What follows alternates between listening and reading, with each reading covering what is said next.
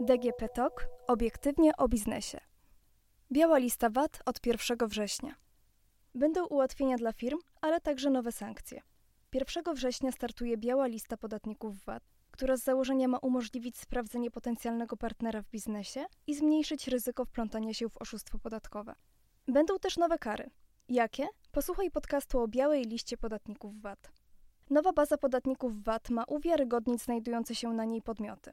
Trafią na nią dane firm z trzech różnych list, które od 1 września stanowić będą jeden rejestr. Chodzi o tak zwaną czarną listę, czyli m.in. tych podatników, którzy zostali wykreśleni z listy VAT-owców. Będą tam też dane firm, wobec których status podatnika VAT został przywrócony oraz informacje o czynnych i zwolnionych podatnikach podatku od towarów i usług. Stworzenie jednej bazy zawierającej wszystkie informacje o statusie podatników VAT ułatwi i przyspieszy proces wyszukiwania danych o podmiotach zawartych w tym wykazie. Tak potrzebę zebrania wszystkich danych do jednego rejestru uzasadnia ustawodawca. W jaki sposób dostęp do takiej listy miałby ułatwić nam sprawdzenie, czy przyszły partner w interesach nie jest podejrzany? Biała lista umożliwi nam dostęp do danych, których sprawdzenie pozwoli nam odhaczyć spełnienie wymogu tzw. Tak należytej staranności. Z rejestru dowiemy się m.in., czy nasz potencjalny kontrahent jest VAT-owcem obecnie i czy miał taki status w dowolnym momencie w przeszłości.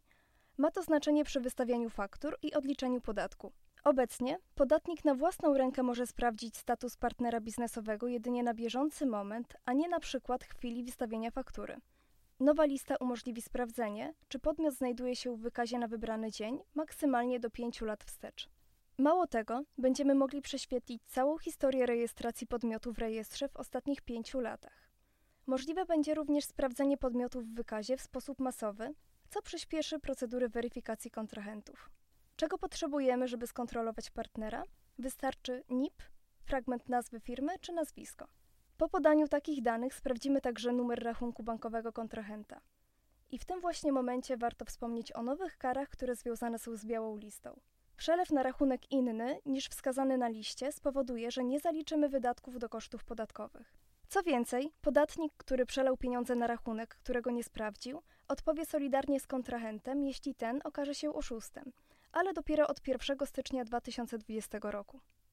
Podatnik, który przeleje więcej niż 15 tysięcy złotych na inny rachunek niż ten znany skarbówce, odpowie solidarnie ze sprzedawcą za nierozliczony VAT z tego tytułu oraz nie zaliczy wydatku do kosztów podatkowych.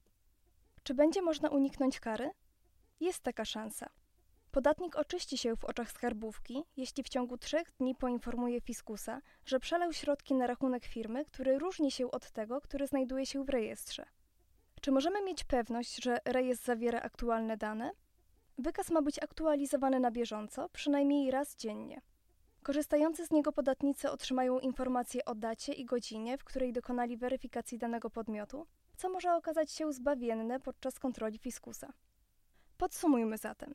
Biała lista VAT-owców rusza 1 września 2019 roku, zaś nowe kary zaczną obowiązywać dopiero 1 stycznia 2020 roku. Nie zmienia to jednak faktu, że dochowanie tzw. Tak należytej staranności zawsze popłaca. Wtedy nie tylko nie narażamy się skarbówce, ale jako podatnicy możemy czuć się bezpiecznie, ograniczając ryzyko wplątania się w oszustwa, np. karuzele VAT-owskie. Pamiętajmy więc, by zawsze sprawdzać firmy, z którymi współpracujemy. A w tym pomoże nam właśnie biała lista podatników VAT.